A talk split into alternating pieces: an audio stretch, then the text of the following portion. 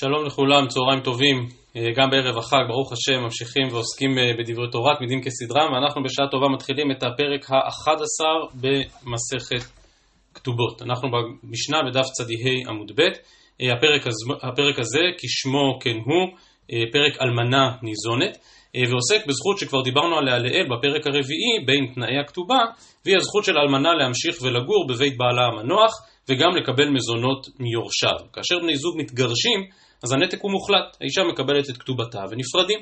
אבל ביחס לאלמנה קבעו חז"ל שניתן להיפרד, כלומר לא בדיוק להיפרד, אלא הבעל באמת הלך לעולמו, אבל האישה יכולה לא לקבל את כתובתה מיד, אלא להמשיך ולגור בבית בעלה, לקבל מזונות, וכל זה מבלי לגרוע מן הזכות העתידית שלה לגבות את כתובתה. אז לאחר שלמדנו בפרקים הקודמים על סדרי הגבייה של כתובה, ובפרק הקודם הדגש היה על אדם שנשוי לכמה נשים, עובר הפרק שלנו לעסוק באופן הגבייה של אותה הזכות למזונות. מתוך כך נעבור גם לגביית כתובה באופן כללי, לאו דווקא מזונות, בסיומו של הפרק גם דיון לגבי נשים שבכלל אין להן כתובה, אבל כאמור נקודת המוצא לכל הדיון היא אותם סדרי גבייה של אה, זכות האלמנה למזונות, כאשר היא כאמור ממשיכה וגרה בבית בעלה המנוח וגם מקבלת מזונות. על כך אומרת המשנה דף צדיהי עמוד ב' אלמנה ניזונת מנכסי יתומים, מעשה ידיה שלהן, כלומר היא חלק מן הבית, היא חלק מן המשפחה, ובדיוק כמו שבחיי בעלה היא קיבלה מזונות ומעשה ידיה שלו, כך גם כאן, אבל אין חייבים בקבורתה. וגם כאן כבר למדנו שתקנו קבורתה תחת כתובתה, זו חובה שמוטלת על הבעל. היורשים לא יקבלו את כתובתה, סליחה, יורשי הבעל לא יקבלו את כתובתה, ולכן יורשיה, ומדגישה המשנה יורשי כתובתה, הם אלה שחייבים בקבורתה. כלומר, כמו שאמרתי, זה שהיא כרגע עדיין גרה בבית בעלה המנוח ומקבלת מזונות, זה לא גורע מן הזכות העתידית שלה לקבל את כתובתה. ולכשהיא תקבל את כתובתה, הכתובתה הזאת תהיה שייכת ליורשיה שלה, לא ליורשים של בעלה. ולכן היא גרה בבית בעלה, היא מקבלת מזונות מן היתומים ומעשי ידיה שלהם. חיוב הקבורה מוטל על יורשיה שלה, של האישה, ולא על יורשי הבעל, שהם אלה שבבוא היום יתחייבו בקבורתה, וגם ירשו את הכתובה שמגיעה לה.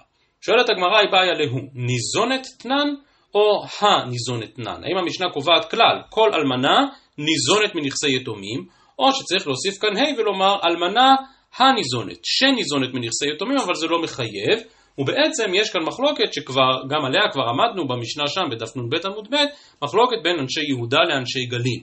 ניזונת תנן וכאנשי גליל ולא סגי דלא יהב אלא, שכן אנשי גליל היו כותבים בכתובה כמפורש במשנה שם בדף נ"ב, שאת תהא יתווה בביתה יומיצנה מנכסה כל ימי מגר מלותייך בביתי, כלומר שזה חיוב מוחלט.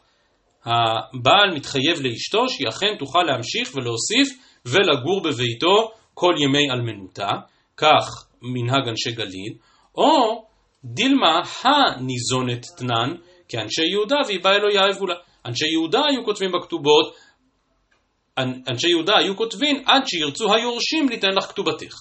כלומר שהכדור במגרש של היורשים הם אלה שמחליטים האם היא מקבלת מזונות או שהיא מקבלת את כתובתה. ובכן, האם משנתנו מכריעה כאנשי גליל ואומרת ניזונת, או שצריך לומר הניזונת, דהיינו זה תלוי ביתומים, תלוי ביורשים, האם הם נותנים לה או לא נותנים לה מזונות. כך שואלת הגמרא, ועונה צדיו עמוד א', תשמע אמר רבי זרע אמר שמואל, מציאת אלמנה לעצמה. אף על פי שאמרנו שמעשה ידיה של היורשים, היא מצאה מציאה, הרי שהמציאה שייכת לה. היא אמרת בשלמה הניזונת נן, כלומר שיש כאלה ויש כאלה. יש אלמנה שמקבלת ויש אלמנה שלא מקבלת. אז שפיר, אז אני מבין היטב את שמואל, שכן שמואל מדבר על אלמנה שאינה מקבלת מזונות. ולכן ברור שמציאתה לעצמה. אלא היא אמרת ניזונת נן, אם אמרת שזה כלל מוחלט, שכל אלמנה ניזונת, אז למה מציאתה לעצמה? ניהבו כבעל. מה בעל מציאת אישה לבעלה?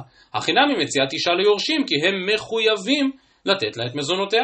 ואם כן, לכאורה מן הדין של שמואל שמציאת אלמנה לעצמה, צריך להכריח כאנשי יהודה שאכן סבורים שלא תמיד אלמנה מקבלת מזונות, ואם היא לא מקבלת מזונות, ממילא מציאתה לעצמה, והראשונים כאן מעירים שלכאורה אם ככה שמואל סתר דברי עצמו, כי הרי שם בפרק הרביעי שמואל פוסק כאנשי גליל, שחייבים לתת לה מזונות, אבל הגמרא בכל מקרה דוחה ואומרת, לעולם אימה לך ניזון אתנן. אפשר להסביר שהחיוב הוא חיוב מוחלט. ובכל זאת מציאתה לעצמה, מדוע? טעם המאי אמו רבנן, מציאת אישה לבעלה, מדוע מלכתחילה קבעו חכמים שמציאתה לבעלה, דלא תהיה ואילה איבה. כדי שלא תהיה איבה בינו לבין בעלה.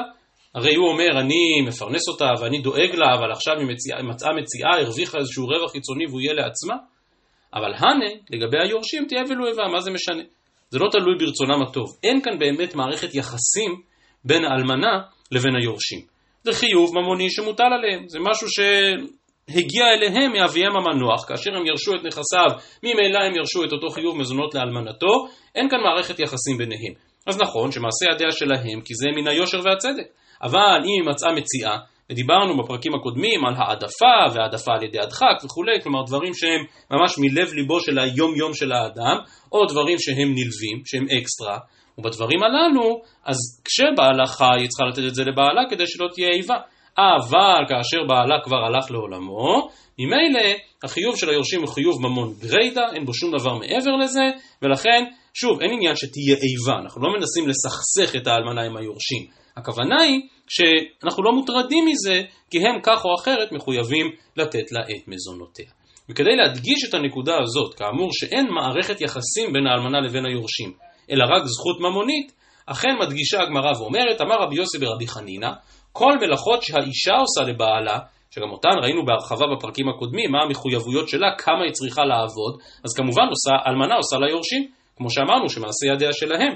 זה חלק מן ההסדר הכלכלי, ההסדר הממוני כאן. חוץ ממזיגת הכוס והצעת המיטה והרחצת פניו ידיו ורגליו. כלומר, אותן מלאכות שמבטאות מערכת יחסים, שמבטאות אינטימיות, שמבטאות קשר בין האיש לאשתו, זה כמובן לא שייך בין האלמנה לבין היורשים. את המלאכות הממוניות במרכאות, המלאכות המחויבות, כמובן שהיא צריכה לעשות. אבל את אותן מלאכות שמבטאות קשר אישי, הכנת האוכל, הצעת המיטה וכולי, את הדברים הללו ברור שהאלמנה לא צריכה לעשות ליורשים. ואם כן, ההלכה הזו של רבי יוסי ברבי חנינא מחדדת את הסברה בנקודה הקודמת בהבחנה שבין מעשה ידיה, שזה חלק מן החיוב הממוני, לבין מציאתה, שזה משהו נפרד, כאשר אצל היא אישה תחת בעלה זה קשור לאיבה, כאשר מדובר על היורשים, אנחנו באמת פחות מוטרדים מן העניין הזה. ברשותכם, אני אעשה משהו שאנחנו לא מרבים לעשות, אנחנו נדלג לרגע כמה שורות בגמרא, כי הקטע הבא בגמרא הוא דברי אגדתא, שנזכרים כאן מעניין לעניין, אגב העניין של מלאכות שאישה עושה לבעלה, רק נשלים את הנושא שלנו של גביית המזונות, ולאחר מכן נחזור אחורה לדבריו של רבי יהושע בן לוי, וגם לדף המקורות ששלחתי מקודם, שעוסק בקטע הזה בגמרא. אז אני ממש מדלג 4-5 שורות קדימה, אומרת הגמרא, אמר רבי אלעזר, אלמנה שתפסה מיטלטלין במזונותיה, מה שתפסה, תפסה. כלומר, לאלמנה, היות שאמרנו שיש לה זכות מוחלטת לקבל את מזונותיה אחרי מות בעלה, הרי שגם אם משום היתומים לא מימשו את הזכות הזאת, היא יכולה לתפוס. לתפוס מיטלטלין. ומה שתפסה, תפסה. תניא נמי הכי, אלמנה שתפסה מיטלטלין ממזונותיה, מה שתפסה, תפסה. וכן קריאת הרב דימי אמר, מעשה בחלתו של רבי שבתאי, שתפסה דיסקיה מלאה מעות, ולא היה כוח ביד חכמים להוציא מידה. ואם כן הגמרא, הן מן הברייתא והן מדברי המוראים, קובעת באופן חד משמעי שהאלמנה רשאית לתפוס מיטלטלין כדי לגבות מהם את מזונותיה. אמר אבינה ולא המרן, כלומר כל הזכות הזו לתפוס, לא המרן אלא למזוני, דווקא לאותו חיוב מזונות שיש לאלמנה, בו אנחנו עוסקים. אבל לכתובה, מפקינן מינה. כלומר, אם היא באה ותפסה מיטלטלין כדי לגבות מהם את כתובתה, היא לא מבקשת עכשיו את חיוב המזונות, שמהווה בעצם המשך של הקשר, היא ממשיכה לגור בבית בעלה, לא. כאשר היא רוצה לגבות את כתובתה, היא לא יכולה לתפוס מיטלטלין, כך מחלק רבינה בין מזונות לבין כתובה. מה תקיף לאמר ברב אשי? מה ישנה לכתובה? למה לדעתך היא לא יכולה לתפוס מיטלטלין לכתובה? זה ממקרקעי ולא ממיטלטלי, כי עצם חיוב הכתובה, כמו שכבר למדנו כמה וכמה פעמים, הוא חיוב שמוטל על הקרקעות. ולכן מה פתאום לתפוס מיטלטלין לתשלום הכתובה? כתובה גובה רק מן הקרקעות. אז אם כן, מה ישנה לכתובה ממקרקעי ולא ממיטלטלי? מזונות נמי ממקרקעי ולא ממיטלטלי. הרי גם חיוב המזונות, שכמו שהדגשנו מקודם, הוא מתנאי הכתובה, שהבעל מתחייב לה שכאשר תהיה אלמנה תוכל לקבל מזונות, גם את תנאי הכתובה גובים רק מן הקרקע ולא מן המיטלטלין. אז מה ההבדל? אלא מסיים מר ברבשי את דבריו ואומר למזוני מיידי תפסה תפסה, אתה סבור שאפשר לתפוס מיטלטלין בשביל מזונות, הכי נמי לכתובה. כלומר, כמו שאפשר לתפוס את צורך המזונות, ככה אם תפסה מיטלטלין, יכולה לגבות מהם גם את כתובתה.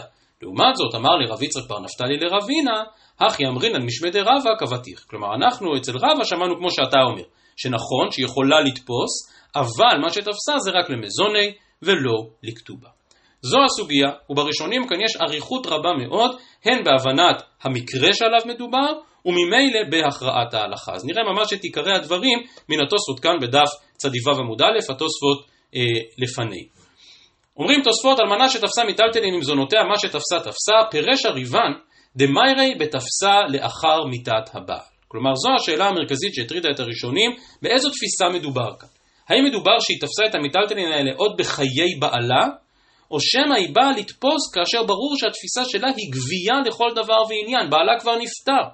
ועכשיו היא רצה מהר לתפוס מיטלטלין עוד לפני יורשיו, כדי לגבות מהם את מזונותיה או את כתובתה. ואם כן דעת הריבן, דמיירי בתפיסה לאחר מיתת הבעל. אם ככה אומרים תוספות, ואם תאמר, אם באמת מדובר על תפיסה לאחר מיתה, אז מה יש לה למזוני מהניה תפיסה, תפי מכתובה? באמת מה ההבדל?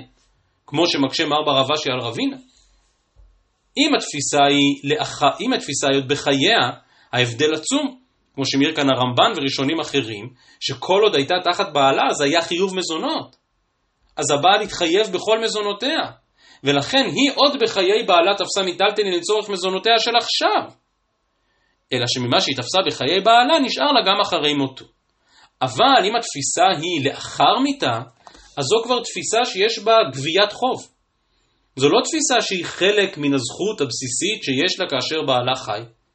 ולכן מקשים התוספות על הפירוש של הריבן, אם באמת מדובר פה בסוגיה על תפיסה שלאחר מיתה, אז מה ההבדל בין מזונות לבין כתובה? עונים תוספות ויש לומר, משום דמזוני לא טרפה ממשעבדי, אבל כתובה טרפה ממשעבדי. גם את זה כבר למדנו, שאת עיקר חיוב הכתובה גובים גם מן המשועבדים, אבל תנאי כתובה גובים רק מבני חורין. ולכן, בגלל שאת חיוב המזונות אי אפשר לגבות מנכסים משועבדים, יש יותר מקום לאפשר לה לתפוס מיטלטלין. אבל מדלג טיפה, ממשיכים התוספות ואומרים, ונראה לי דווקא מזוני דלא גביה ממשעבדי, והבנה מתנאי בית דין. מצד אחד, השעבוד פה הוא חלש, אי אפשר לגבות ממשועבדים. מצד שני יש תנאי בית דין שהבעל חייב מזונות גם לאלמנה, ולכן עלמו הרבנן תפי להועיל בתפיסה והודה רבי. כלומר, באמת אפשר לקבל את פירושו של הריבן, שכך גם הלכו עוד ראשונים כאן, ואמרו שהתפיסה שעליה אנחנו מדברים היא תפיסה לאחר מותו של הבעל. אם זו תפיסה לאחר מותו, אז באמת מה ההבדל בין כתובה לבין תנאי כתובה? מה ההבדל בין עיקר הכתובה לבין המזונות? תשובה, השילוב הזה שיש במזונות, שמצד אחד גרה כוחה, כי היא לא יכולה לגבות ממשועבדים, ומצד שני יש כאן תנאי בית דין, מאפשרים לה לתפוס דווקא לצורך מזונות, כך שיטתו של הריבה. אני מדלג עוד שתי שורות בתוספות, ממשיכים בתוספות ואומרים, ורבנו חננאל והלכות גדולות פירשו, דהכה מיירי בתפיסה מחיים. לא, לא מדובר שהיא תפסה לאחר מותו של הבעל, מדובר שהיא תפסה עוד בחייו. ואז החילוק מובן, ודווקא למזוני מהניה אבל לכתובה לא, משום דלא ניתנה כתובה לגבות מחיים. כלומר, כאשר הבעל עדיין חי, לתפוס מיטלטלין על החשבון לכתובה, זה לא שייך. כי אין כתובה מחיים, ואם האישה תמות לפני בעלה, אז אין לה שום כתובה. אבל כמו שהסברנו, חיוב מזונות הוא חיוב שקיים עוד בחייו. אדרבה, עיקר חיוב המזונות זה בחייו. ולכן החלוקה בין תפיסה למזונות לבין תפיסה למיטלטלין מובנת לחלוטין, אם אכן מדובר על תפיסה מחיים. אז זו כאמור המחלוקת בין הראשונים, קראתי אותה כאן מן התוספות, אבל כבר הריף מביא את שתי הדעות וגם כל שאר הראשונים בעקבותיו מדברים על המחלוקת הזו. עכשיו כמובן שההבדל בסוגיה האם מדובר על תפיסה לאחר מיתה או תפיסה מחיים, משפיעה מאוד על פסיקת ההלכה. אם נמשיך בתוספות, אז אומרים התוספות הוא פסק בהלכות גדולות כרבינה. כלומר, שאפשר לתפוס דווקא למזונות ולא לכתובה, סליחה, ש, כן, שאפשר לתפוס דווקא למזונות ולא לכתובה, אבל אומרים תוספות וקשה, שהרי בתשובות הגאונים יש כלל מכללי הפסיקה שאומר שתמיד הלכה כמר ברבשי. וכאן מר, מר ברבשי חולק על רבינה ואומר לו, מה פתאום, אם תפיסה מועילה אז צריכה להועיל גם למזונות וגם לכתובתה. אז מנסים התוספות להידחק ולומר, וצריך לומר, דמר ברבשי דקאמר אחא אינו אלא התקפת בעלמא. כלומר ברבשי מפלפל בדברי רבינה לא בהכרח חולק עליו. זה לא כל כך משמע מן הסוגיה, אבל באמת רבנו חננאל פסק להלכה כמר ברבשי. דהיינו שאכן אפשר לגבות גם למזונות וגם לכתובה. אלא שכאן, כאמור, זהו הסבך הגדול בין הראשונים. רגע, אז אם אתה פוסק כמר ברב אשי, שהתפיסה הזאת מועילה גם למזונות וגם לכתובה, אבל על איזו תפיסה דיברת? האם דיברת על תפיסה מחיים, או על תפיסה לאחר מותו? וכאמור, הפסיקה בנושא הזה היא מורכבת, גם ברמב"ם בפרק י"ח מהלכות אישות, נראה מן הרמב"ם שבאמת ה... שיש לחלק בין תפיסה לאחר מותו לבין תפיסה אה, מחיים. שאם תפסה למזונות, אז גם תפיסה אחרי מיתת הבעל לא מוצאים מידה, אבל כאשר מדובר על תפיסה לכתובתה, אז באמת יש חלוקה שאם תפסה מחיים לא מוציאים, אם תפסה לאחר מיתה כן מוציאים. זו דעתו של הרמב"ם, כך מסקנתו של הריף, אבל תראו שם במגיד משנה ושאר המפרשים שמסבירים שאכן יש כבר מן הגאונים ומן הראשונים שהבינו אחרת את מסקנת הסוגיה, וכאמור יש עוד שתי אפשרויות. יש, יש כאלה שאמרו ששום תפיסה לא מועילה לאחר מיתה אלא רק מחיים, ויש כאלה שאומרים שהחלוקה בין כתובה למזונות עדיין קיימת בין, בין לפני מותו בין לאחר מותו. אז בעצם יש כאן שלוש שיטות בין הראשונים בהבנה מהי מסקנת הסוגיה. אני חושב שזו דוגמה יפה לראות איך שאלה פרשנית שבעצם קצת העיקר חסר מן הספר. כלומר, הגמרא אומרת תפסה, אבל הגמרא לא אומרת מתי תפסה. והפרשנות השונה לשאלה מתי תפסה ממילא משפיעה מאוד גם על הבנת מסקנת ההלכה בהקשר הזה. ממשיכה הגמרא ואומרת, אמר רבי יוחנן משמד רבי יוסי בן זמרה, אלמנה ששהתה שתיים ושלוש שנים ולא תבעה מזונות, איבדה מזונות. כלומר, אכן יש תנאי בית דין, אכן יש זכות שיקנו לאלמנה לשבת בבית בעלה ולקבל מזונות, אבל היא צריכה לבקש את זה. ואם חלפו שנתיים ושלוש והיא לא תובעת מזונות, אז היא איבדה את מזונותיה. שואלת הגמרא, לא הבנתי, מה זה שנתיים ושלוש? השתא שתיים איבדה, שלוש מבעיה תכלית. כמה זמן צריך לעבור כדי שתאבד מזונותיה? שנתיים או שלוש? עונה הגמרא שתי תשובות, לא קשיא, כאן בענייה, כאן בעשירה. כלומר, אם זו אלמנה ענייה, אם חלפו שנתיים ולא ביקשה, היא כבר פספסה. אם מדובר על עשירה, יכול להיות שהיא הסתדרה לבד אפילו שלוש שנים, ורק אז איבדה את זכותה. אינם, היא אומרת הגמרא, כאן בפרוצה, כאן בצנועה. אם היא צנועה, אז אתה כנראה מבין שהיא המתינה והמתינה והתביישה לבוא ולבקש. היא חיכתה אולי שמישהו יציע לה. אם היא פחות צנועה, אז כבר אחרי שנתיים איבדה את מזונותיה. כנראה החלוקה הזו בין פרוצה לבין צנועה יותר קשה להגדיר אותה מאשר החלוקה של ענייה ועשירה, ולכן הרמב"ם מתעלם ממנה. כלומר, הרמב"ם פסק שכאשר מדובר על אלמנה ענייה, אז אם היא שהתה שנתיים ולא תבעה, אין לה מזונות. אם מדובר על אלמנה עשירה, יש לה שלוש שנים. הרמב"ם מתעלם לגמרי מהעניין של פרוצה וצנועה, ולעומתו, הראש, והרבה מן הפוסקים הביאו את דברי הראש באבן העזר בסימן צדיק ג', הראש סבור שצריך את שני הדברים גם יחד. כלומר, אם היא גם ענייה וגם פרוצה, אז היית מצפה שתוך שנתיים יתהוו. אבל כשאחד הדברים לא מתקיים, אנחנו נוטלים לה אפילו עד כדי שלוש שנים, ואולי הרמב"ם באמת הבין, כמו שאמרתי, שהעניין הזה של פרוצה, צנועה, הוא קצת דק להגדיר אותו, ולכן הרמב"ם לא הביא את העניין הזה בכלל. אבל מסיימת הגמרא ואומרת, אמר רבא, לא אמרן אלא למפרע, אבל להבא יש לה. כלומר, גם מה שאמרנו, שאם היא לא טבעה שנתיים ושלוש, איבדה את מזונותיה, הכוונה את המזונות של אותן שנתיים. את המזונות של אותן שלוש שנים. אבל מכאן ואילך יכולה להמשיך לגבות את מזונותיה. כלומר, לא התכוונו שאם היא לא באה לתבוע מזונות, אז היא איבדה לעולם ועד את זכותה למזונות. לא. הבעל התחייב לה שכל עוד בביתו היא מקבלת מזונות. הרעיון הוא שאם חלפו שנתיים או שלוש והיא לא ביקשה מזונות, אז איבדה את מה שהיה עד עכשיו. אבל כמובן שיכולה לתבוע מכאן ולהבא, כך דבריו של רב. הקטע הבא בגמרא כבר מתחיל סוגיה אחרת, וזו הסוגיה של בעצם המוחזקות בחיוב המזונות הללו. על מי להביא ראייה. באי רבי יוחנן יתומים אומרים נתנו והיא אומרת לא נטלתי על מי להביא ראייה, אבל היות שסוגיה מורכבת וארוכה שמגיעה עמוק לתוך דף צדי זין, אנחנו נדחה אותה בעזרת השם ונעסוק בה עם צאת החג. אה, אנחנו מקווה שגם ימי חול המועד נמשיך ונלמד תמידים כסדרם בעזרת השם בלי נדר, אז כאמור את הקטע הבא בגמרא נראה בעזרת השם במוצאי החג. בזמן שנותר לנו אני רוצה לחזור אחורה וניכנס ככה לתוך חג הסוכות בדברי ההגדה שיש לנו כאן, שאומנם לא עוסקים בחג הסוכות אבל נראה אולי בסוף נצליח למצוא קשר גם לעניין הזה. אז אני חוזר קצת אחורה בדף צדיו עמוד א', קבענו שהמלאכות המיוחדות שאותן אישה עושה לבעלה, המלאכות שמבטאות מערכת יחסים, מבטאות איזושהי אינטימיות שביניהם, ברור שאלמנה לא עושה ליורשים. והדבר הזה מזכיר לגמרא הלכה אחרת, לא על יחסי איש ואשתו ולא על יחסי אלמנה ויורשים, אלא על יחסי רב ותלמידו. אומרת הגמרא דף צדיו עמוד א', חזרתי אחורה למקום שבו דילגנו מקודם. אמר רבי יהושע בן לוי, כל מלאכות שהעבד עושה לרבו, תלמיד עושה לרבו, חוץ מהתרת מנהל. כלומר, חלק מן הקשר בין רב לתלמיד הוא לא רק הישיבה בבית המדרש והעיסוק בהוויות אביי ורבא, אלא הוא ממש קשר אה, פיזי, פרקטי, שהתלמיד עוזר לרבו ממש במלאכות הכי פשוטות, עד להתרת מנהל. כלומר, רבי יהושע בן לוי אומר אבל שלא יתיר לו את המנהל, וכל כך למה? כדי שלא יחשבו שהתלמיד הזה הוא עבד. רואים שהוא מנקה את הבית של רבו, שהוא מבשל, שהוא עושה, דואג לכל צרכיו, לפחות שלא יתיר את נעליו, שלא יחשבו שהוא עבד. ולכן אמר רבא, לא המרן אלא במקום שאין מכירים אותו. כלומר, לא מכירים את התלמיד הזה, ואז באמת חלילה עלולים לחשוש שהוא עבד. אבל במקום שמכירים אותו ליטלן בא, ולכן, ולכן במקום שכולם יודעים שזה לא עבד, אלא הוא פשוט תלמיד, שמשמש את רבו. במצב כזה אפילו יכול לחלוץ לו את נעליו. אמר רב אשי, ובמקום שאין מכירין אותו נמי, עוד פעם, שאמרת שחוששים שהוא עבד, לא המרן, אלא דלא מנח תפילין. כאשר התלמיד לא מניח תפילין, אבל אם התלמיד מניח תפילין, ליטלן בא. כי כלל גדול הוא שעבד לא מניח תפילין, בוודאי לא בפני רבו.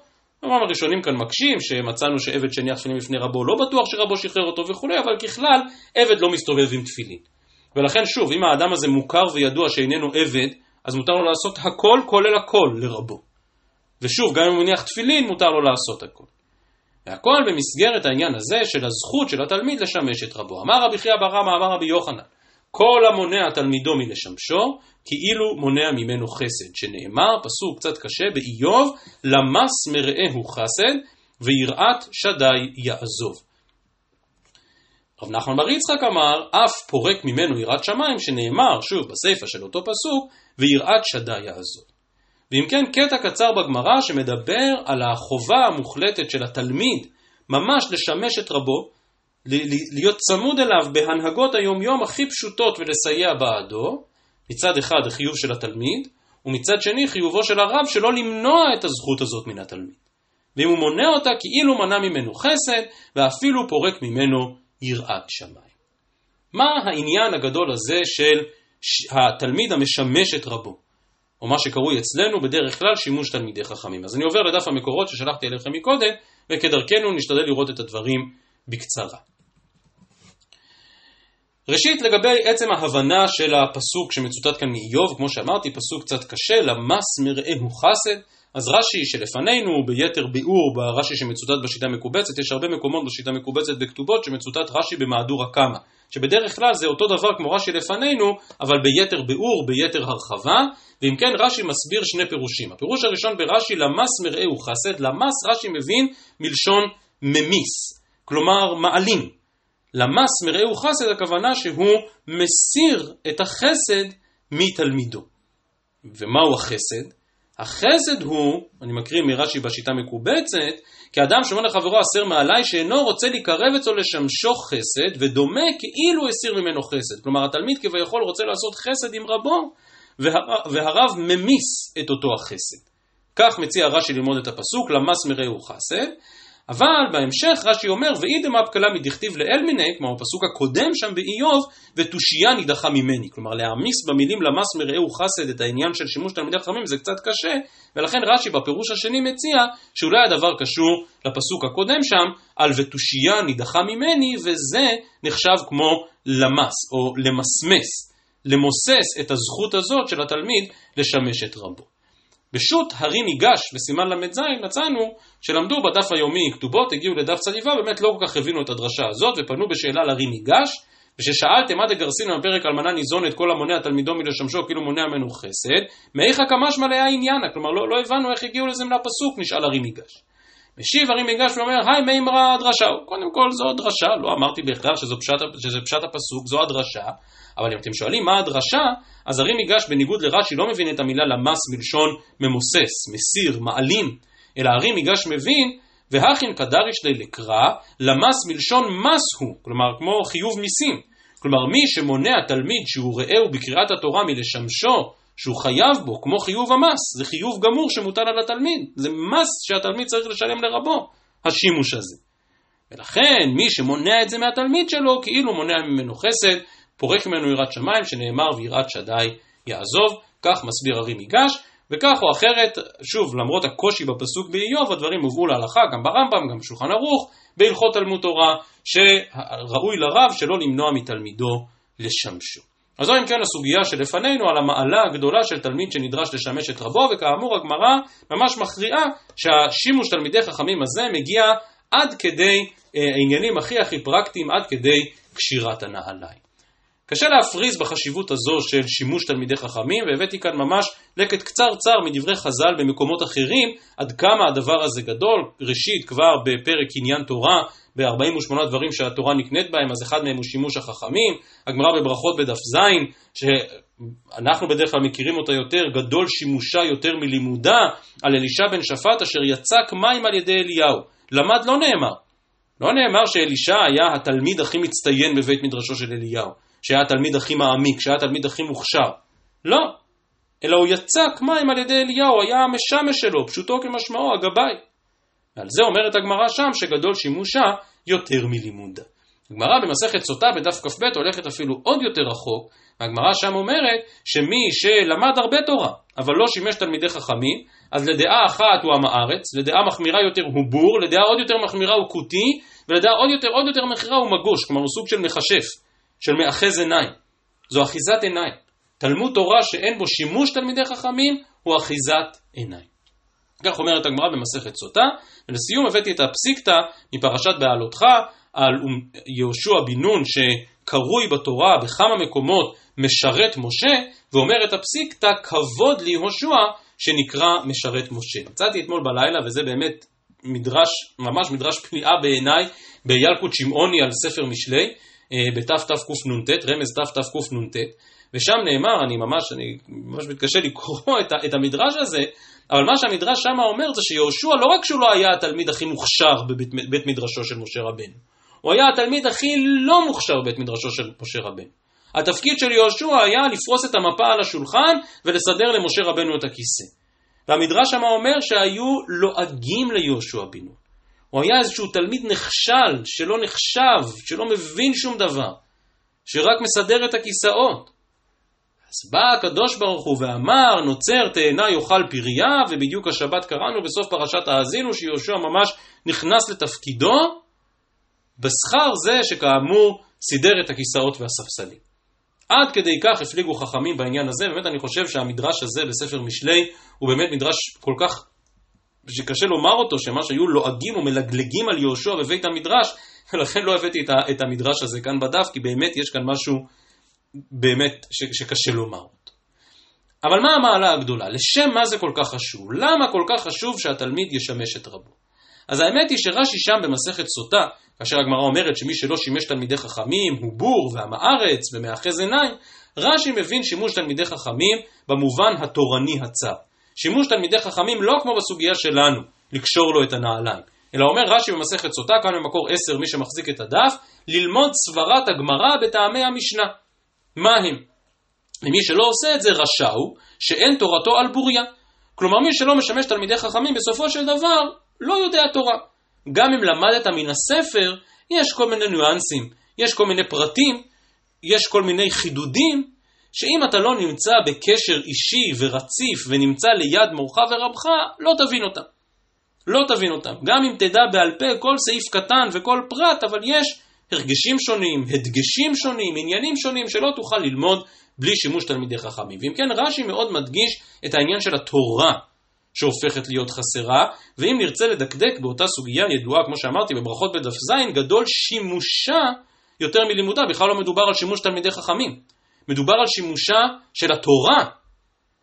התורה צריכה להיות מדויקת יותר, ברורה יותר, ואת זה אפשר לעשות רק כאשר משמשים תלמידי חכמים. ולכן רש"י אומר שהגמרא מדברת על מגוש, כשהוא מכשף, אוחז עיניים. זה נראה כאילו אתה למדן, כי אתה יודע שבגמרא שם כתוב כך, ובשולחן ערוך שם כתוב אחרת. אבל אם לא שימשת תלמידי חכמים, אז אתה לא יודע את, ה, את הפרקטיקה של כל הדבר הזה, את היישום המדויק של הדבר הזה, שאותו קצת קשה להעביר בעל פה. אה, והבאתי כאן רק כדי לחדד את הסברה הזאת, את הכיוון הזה שיש ברש"י, תשובה של בעל המשנה הלכות, שאומר שתלמידי חכמים, מורי הוראה, בדרך כלל לא בוחרים אותם בבחירות או בהצבעות, אלא מי שבפועל שימש תלמידי חכמים, הוא זה שיכול להורות הוראת הלכה למעשה, והמשנה הלכות אומר פוק חזה ממילי דעלמא, בית ספר לרפואה. כל בתי הספר לרפואה בעולם מחולקים לשני חלקים, בשנים הראשונות יושבים בכיתה ולומדים, ובשנים שלאחר מכן מתחילים להסתובב בין המחלקות, מתחילים להסתובב ליד רופאים בכירים יותר, ואי אפשר להסתדר עם זה בלא זה. גם בן אדם שבשנים הראשונות של בית ספר לרפואה, כמו שאומר כאן המשנה הלכות, יקבל ציונים מדהימים בכל המבחנים, אבל הכל עדיין בתיאוריה. ואם הוא לא למד את הדברים למעשה, הוא לא יצליח, ומסיים המשנה הלכות באיזושהי אה, קושי, הוא אומר ליבה לפומה לאוגליה, על הקושי בדור שאחרי השואה, בדור שאחרי החורבן, שהוא אומר שהייתה בעיה מאוד קשה דווקא בשימוש תלמידי חכמים, בגלל כל אדירי התורה שעלו בסערה השמיימה וכולי וכולי, אבל זה אם כן הכיוון של רש"י. שימוש תלמידי חכמים נחוץ לצורך התורה, כדי לדעת טוב יותר ובאופן מדויק יותר את דברי התורה. אבל הסוגיה שלנו לא כל כך הולכת בכיוון הזה. הסוגיה שלנו שמדברת על החסד, על היראת שמיים, לא מדגישה את זה שאתה תדע תורה יותר טוב. ובאמת המהר"ל כאן בחידושי הגדות בסוגיה שלנו, כאן במקור 12, אומר המונע תלמידו מלשמשו מונע ממנו חסד, יש לך להבין דבר זה, כי התלמיד יש לו חיבור וצירוף אל הרב כאשר הוא משמש לו. ולפיכך הרב המונע תלמידו מלשמשו מונע ממנו חסד, כי דבר זה חסד גמור. כי אין לך חסד יותר מזה שיהיה לתלמיד צירוף וחיבור אל הרב, לפי שהם נבדלים זה מזה, כאשר זה רב וזה תלמיד. וכולנו מכירים את התחושה הזאת כתלמידים. שיש איזשהו ריחוק, איזשהו דיסטנס, אני והרב זה לא אותו דבר. אדם לפעמים מרגיש ממש כגוף אחד עם אשתו, עם ילדיו, אבל רב ותלמיד הם אנשים נפרדים. ומידת החסד היא תמיד המידה שמחברת, שמקשרת. ולכן אומר המהר"ל, שימוש תלמידי חכמים זה בעצם לייצר את החיבור הזה, לייצר את אותו קשר. אבל המהר"ל כדרכו, שהרבה פעמים מביא שני צדדים, אומר לא, אבל באותה מידה יש כאן גם יראת שמיים. יראת שמיים מבטאת את אותו דיסטנס, מבטאת את אותו ריחוק. ולכן יש ביחסי רב ותלמיד שתי בחינות. יש ביחסי רב ותלמיד שני פנים.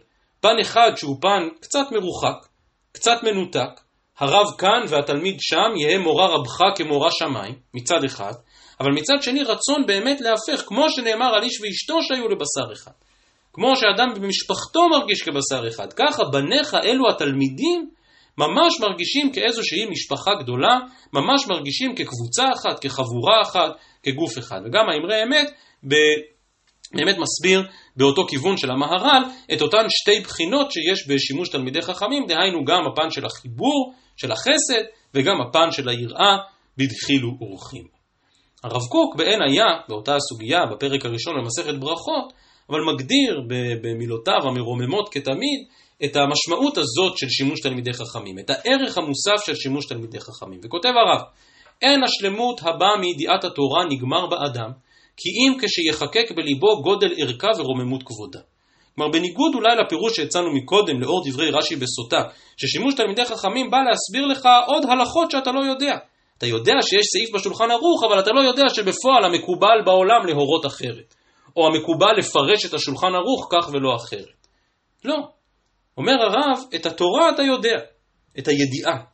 אבל מה עם גודל ערכה ורוממות כבודה? מה עם החיבור הנפשי, העמוק, הפנימי לתורה?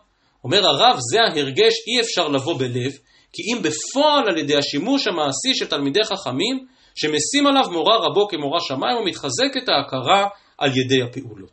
כלומר, כדי להתחבר לנשמת התורה, לערך התורה, לרוממות התורה, לכבוד התורה, בשביל זה צריך קשר של תלמיד לרב, בשביל זה צריך שימוש תלמידי חכמים. נוסף לזה הורה כאן, אומר הרב קוק, שהתורה בהיותה תורת חיים, עיקר פריה הוא לדעת איך להתנהג בחיים על פי דרכה וערכה. ויען שתכונת המעלה של איש קדוש הדבק בתורה אי אפשר להתבאר בפה וכל שכן בכתב, כי אם עין הרואה הליכותיו בקודש היא תשכיל ערך הפעולה שהתורה פועלת על גדולי המעלה הדבקים באהבתה. על כן גדול שימושה, שאז בעיניו יראה את הליכות הקודש של הרב הנעלה יותר מלימוד. והמשפט הזה כל כך כל כך מדויק, שיש דברים שאי אפשר להתבאר בפה וכל שכן בכתב, כי אם עין הרואה הליכותיו. אדם שראה, שחווה, יצליח להפנים ולקבל ולקלוט דברים שאי אפשר לצמצם אותם לספר. לא לשיעור, ובטח לא למשהו כתוב, זו חוויית חיים. זה משהו שהאדם מרגיש באופן הכי הכי יומיומי. מדורי דורות, היו רבים בעם ישראל שעם הפשט של סוגיה שלנו לא לגמרי הסתדרו. דהיינו שלא רצו רבנים גדולים ככל שהיו, שתלמידים ממש יקשרו להם את הנעליים. הבאתי כאן כדוגמה את עדותו של רב חיים קנייבסקי על אביו, מביא פה סיפור גם על הרב שך, שעם כל החשיבות של העניין הזה של שימוש תלמידי חכמים, אבל לא רצו שאת העניינים היומיומיים, הגשמיים, יבוא איזשהו תלמיד ויעשה עבורם. מצאתי אתמול שהפלא יועץ בערך טרחה בספרו, באמת אומר שהכל לפי העניין. כלומר, לעיתים באמת יש בזה חשיבות, אדרבה, שהרב יאפשר לתלמידיו לסחוב לו את התיק, לפתוח לו את הדלת וכולי וכולי, אה, כי הם רוצים לכבד אותו. אבל הרבה פעמים אנשים לא לגמרי רוצים, לא עושים את זה בלב שלם, ולכן אולי עדיף להימנע מן העניין הזה. ואני יכול לפחות רק להעיד, מה שנקרא, רק, רק על עצמי לספר, אה, על, על מורי ורבי, על הרב ליכטנשטיין, שבאמת ברוב שנותיו, כך סיפרו המבוגרים ממני, וכך גם חוויתי אני בשנותיי הראשונות בישיבה, לא הסכים בשום פנים ואופן. הרב, כידוע לכם, לא הסכים שאף אחד יסחוב את הספרים שלו. אה, הייתה שבת אחת, ברוך השם, גם ההורים שלי זכו לקרבה גדולה אצל אה, הרב, אצל הרבנית טובה, והייתה שבת אחת שממש באו להתארח בבית ההורים שלי. אה, ואני זוכר, הייתי אז בשיעור א' או ב' בישיבה, ורציתי רק לסחוב לרב את המזוודה מהבית של ההורים שלי עד, ל, עד לרכב שלו, והוא לא הסכים בשום פנים ואופן לקחת לו וכולי וכולי. זה נכון שבשנים המאוחרות יותר, כשהיה לרב כבר יותר קשה, אז כן זכינו מדי פעם אה, אה, אה, ללוות אותו, להסיע אותו ממקום למקום, אבל עדיין התחושה הזאת, ובעיקר ההדגשה הזאת של הרב קוק, שיש דברים שאי אפשר, אי אפשר לכתוב, לבאר בפה או בכתב. זה דברים שצריך לראות. ובאותן הזדמנויות שכן היו לנו לא רק לשבת בשיעור ולהרוויח עוד סברה ולהרוויח עוד חילוק ולהרוויח עוד מהלך ועוד מערכה, אלא באמת לחוות את החיים היומיומיים. אני יכול עוד פעם להעיד על עצמי שכמה פעמים זכיתי לנסוע עם הרב לחתונות, לשמחות, להסיע את הרב, ובאמת כל דקה ברגעים האלה ברכב הייתה יקרה מפז, ואני חושב שמשפטים ששמעתי אז אולי נחקקו בליבי הרבה הרבה יותר אפילו משיעורים גדולים ועמוקים, כי כך כנראה טבעו של העולם וכך טבעו של האדם. ולכן שוב, הרתיעה הזאת מתלמידים שממש ישמשו את רבותיהם בלסחוב להם את התיק ולקשור להם את הנעליים, את זה רוב רבותינו וכנראה מדורי דורות, כמו שהבאתי כאן, קצת הסתייגו מן הדבר הזה. ועדיין, שוב, הזדמנויות לחוות את תורתו של הרב, את אישיותו של הרב, לא רק בין כותלי בית המדרש. לא רק בדלת אמות של הלכה המצומצמות, אלא את האופן שבו הוא חי את חייו, וממילא אנחנו רוצים להלך בדרכיו, ברור שהדבר הזה הוא דבר עמוק ומשמעותי מאין כמותו. החלטתי לסיים בענייני דיומא, וזה ממש מצאתי אתמול בערב ושמחתי שמחה רבה לקראת חג הסוכות הבא עלינו לטובה. בדרשותיו של בעל אמרי אמת לשמיני עצרת, מצאתי את המשפט הבא, איתה, גדול שימושה של תורה יותר מלימודה, ושמיני עצרת הוא שימושה של תורה. אז נכון, אנחנו ערב החג הראשון, יש לנו עוד בעזרת השם שמונה ימים עד שנגיע לשמיני עצרת, לשבת בצילה דמאמנותא כדי להגיע לשמחת תורה. אבל כבר עכשיו ראוי ונכון להביט אל, אל סיומו של התהליך. מה זאת אומרת שמיני עצרת הוא שימושה של תורה? זה בדיוק מה שדיברנו עכשיו. בשמחת תורה, ספר התורה סגור. לא לומדים בו, לא קוראים בו, לא מעיינים בו, לא מעמיקים בו, אבל רוקדים איתו, ושמחים איתו, כי מרגישים את החוויה, מרגישים את התחושה. חג השבועות, אם נרצה, הוא חג של לימוד תורה. חג שמיני עצרת, יום שמחת תורה, הוא גדול שימושה יותר מלימודה. הוא מכוון אל החוויה, הוא מכוון אל התחושה. אז מי שיוכל ישלים אחר כך את הדרשה הנפלאה הזאת של האמרי אמת, שכמובן מתחיל מחג הסוכות, וכדרכו בהרבה מקומות באמת מדבר על כך שכל ה... שהרגלים בכלל וחג הסוכות בפרט, בא אחרי הימים הנוראים, ואחרי תיקון היצר הרע, ואחרי זיכוך כל המידות כולם. אבל חשוב היה לי להדגיש את, כאמור את אה, סיומו של התהליך. את הדרך שאנחנו עושים בצילא דמאמנותא, את הזכות הגדולה הזאת לשבת בצילא דמאמנותא, כדי להגיע לשמיני עצרת שהוא שימושה של תורה. שהוא המועד שבאמת מצליח להעמיק ולהשריש אצלנו את החוויה, את השמחה. כשהספר סגור. הוא מסיים השפת אמת את אותה דרשה ואומר ששמיני עצרת נותן ברכה על כל השנה, וזהו דאיתא בגמרא שלשמיני יש ברכה בפני עצמה. שיהיה לכולנו בעזרת השם יחד עם כל בית ישראל חג שמח, ואנחנו נשוב וניפגש אה, לפחות וירטואלית במהלך ימי חול המועד. חג שמח לכולם.